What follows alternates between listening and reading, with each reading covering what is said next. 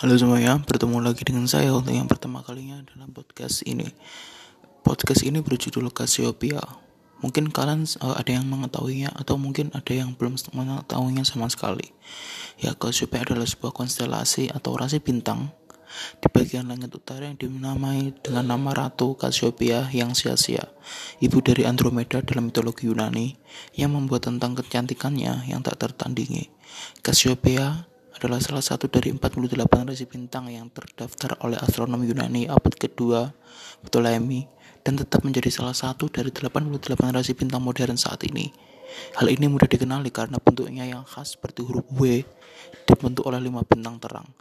Cassiopeia terletak di langit utara dan dari garis lintang di atas 34 derajat N terlihat sepanjang tahun di daerah tropis atau sub dapat dilihat paling jelas dari bulan September hingga awal November. Dan garis lintang selatan tropis rendah kurang dari 25 derajat selatan dapat dilihat secara musiman rendah di utara. Kemudian pada magnitudo 2,2 Alpha Cassiopeiae atau Skedar umumnya adalah bintang paling terang di Cassiopeia, meskipun kadang-kadang dikalahkan oleh variabel gamma Cassiopeiae yang telah mencapai magnitudo 1,6 konstelasi.